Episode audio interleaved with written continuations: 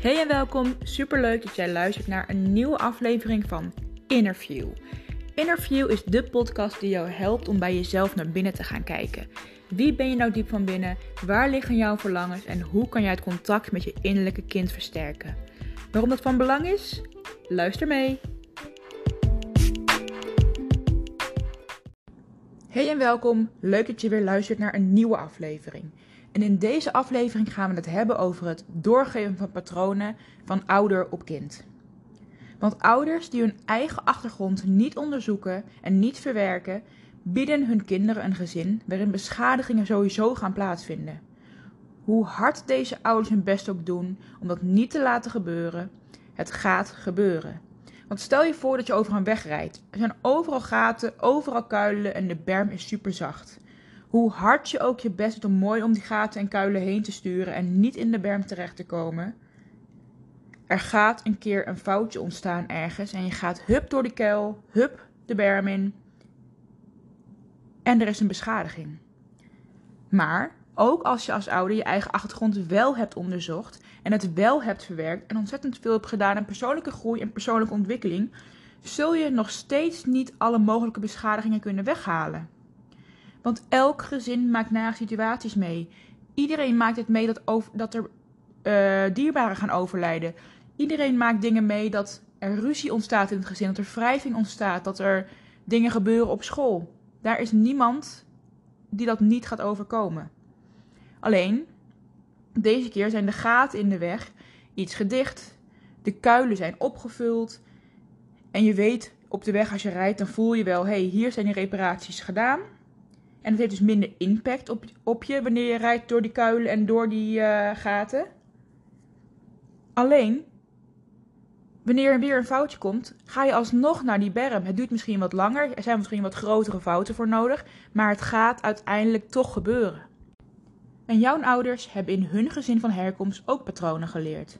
En deze hebben invloed op hun relatie, op het gezin en op jou en de eventuele band met jouw broers en zussen.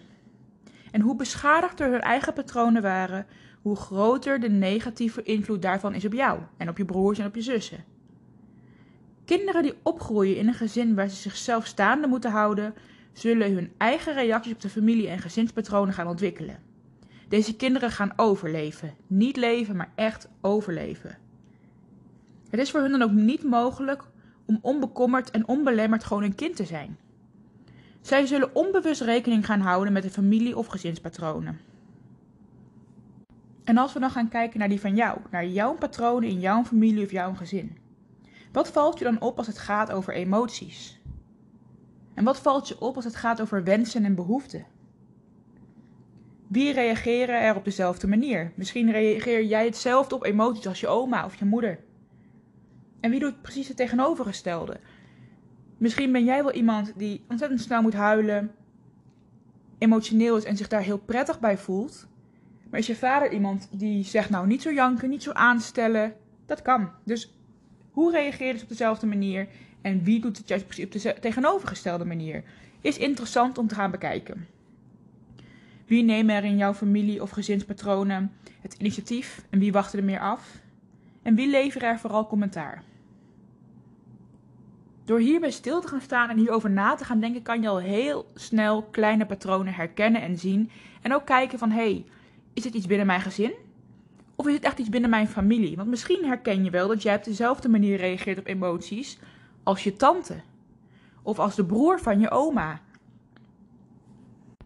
En daarnaast ben je als kind ook nog volledig afhankelijk van je ouders.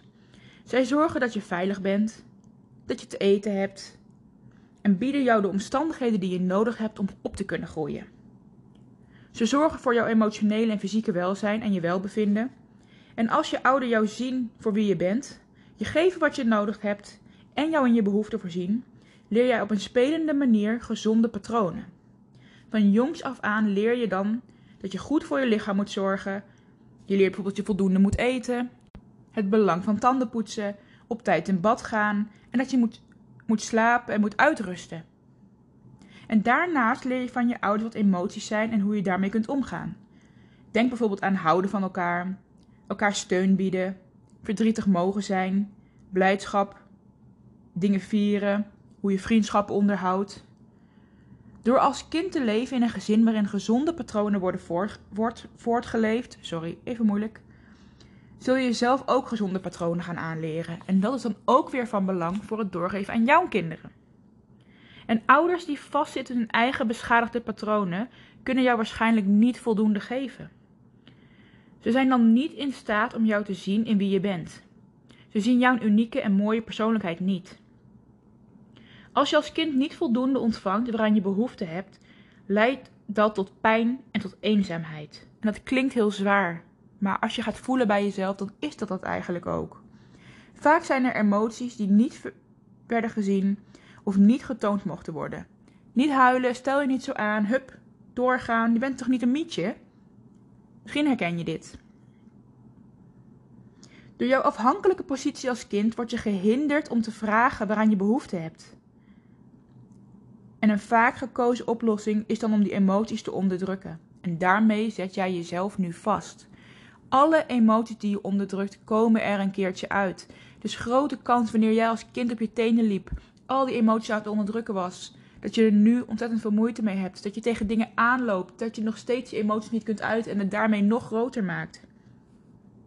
Want emoties onderdrukken is een nare ervaring die sterk op jouw ontwikkeling drukt. Het bepaalt hoe jij volwassen wordt. En tel daar dan nog eens eens de pijn en de teleurstellingen bij op die jij voelt, voelt ten opzichte van je ouders. Zij hebben niet gegeven om wat jij nodig hebt. En je weet en je kunt het zien dat ze hun best doen en het is niet zo hebben gewild. Maar het neemt niet weg dat je wel behoefte had. Dat je ouders het niet kunnen geven, kan jou namelijk ook nog een, zeer onveilig gevoel geven. En ja, je weet het, mijn ouders zaten vast in patronen. Mijn ouders wisten zelf ook niet beter. Maar nogmaals, het gaat niet om schuld, het gaat om durven zien. Een ouder die jou echt ziet, helpt jou om je te leren dat je mooi bent, dat je het waard bent, dat je oké bent. Ze zien je zoals je bent, voor wat je kunt en wat je nog kunt leren. Ze zijn in contact met jou. Je voelt verbinding. Ze stimuleren je om je als persoon te ontwikkelen. En als kind leer je van je ouders dat je vanuit dat contact kunt reageren.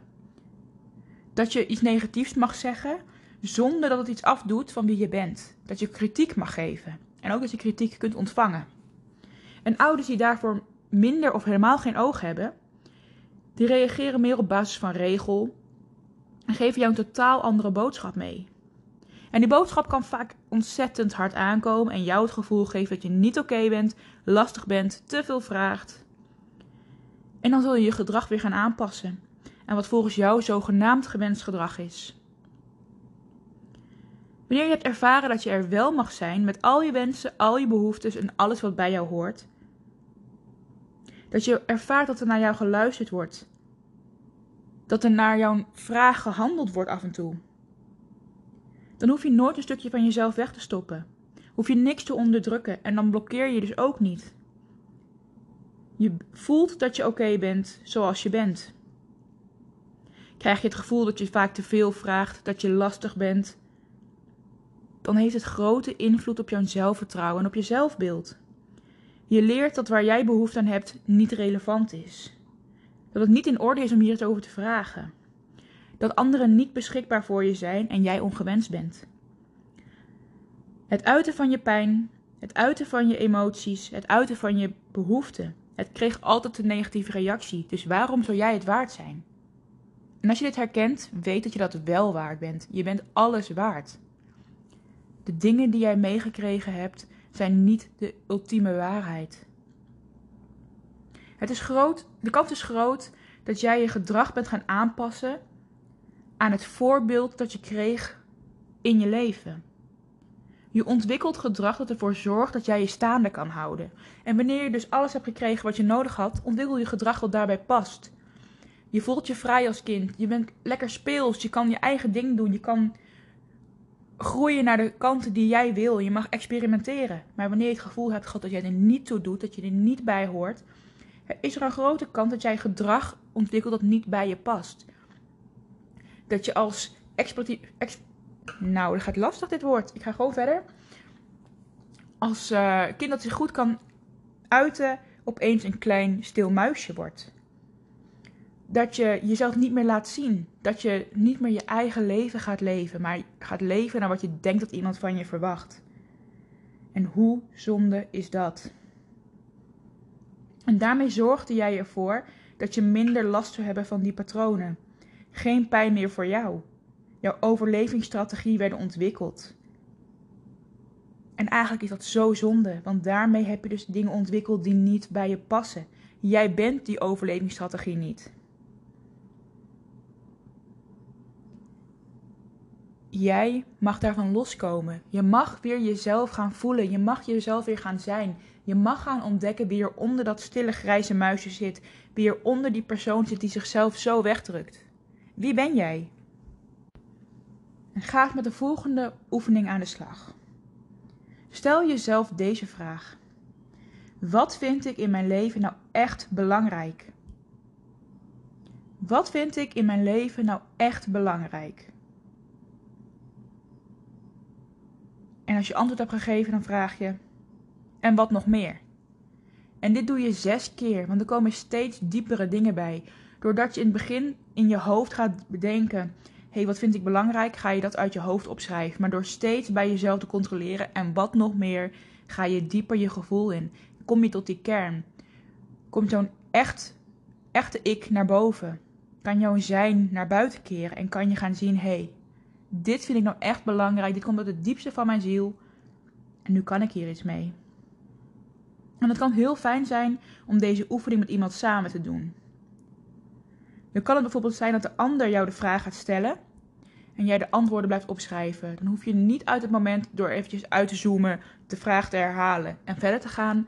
Dan kan jij zeggen: Oké, ik heb antwoord gegeven en de ander gaat door met vragen, waardoor je in die vibe blijft en dus nog dieper bij jezelf naar binnen gaat.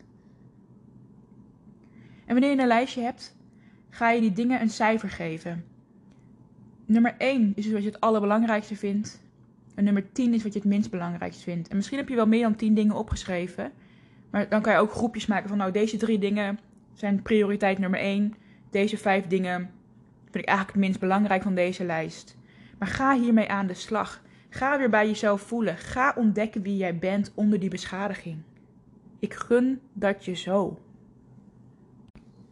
En als je deze oefening hebt gedaan en als je dit uit hebt gehaald, dan zal ik het zo waardevol vinden als je me op Instagram een DM stuurt of even een mailtje stuurt met hoe het voor jou is geweest.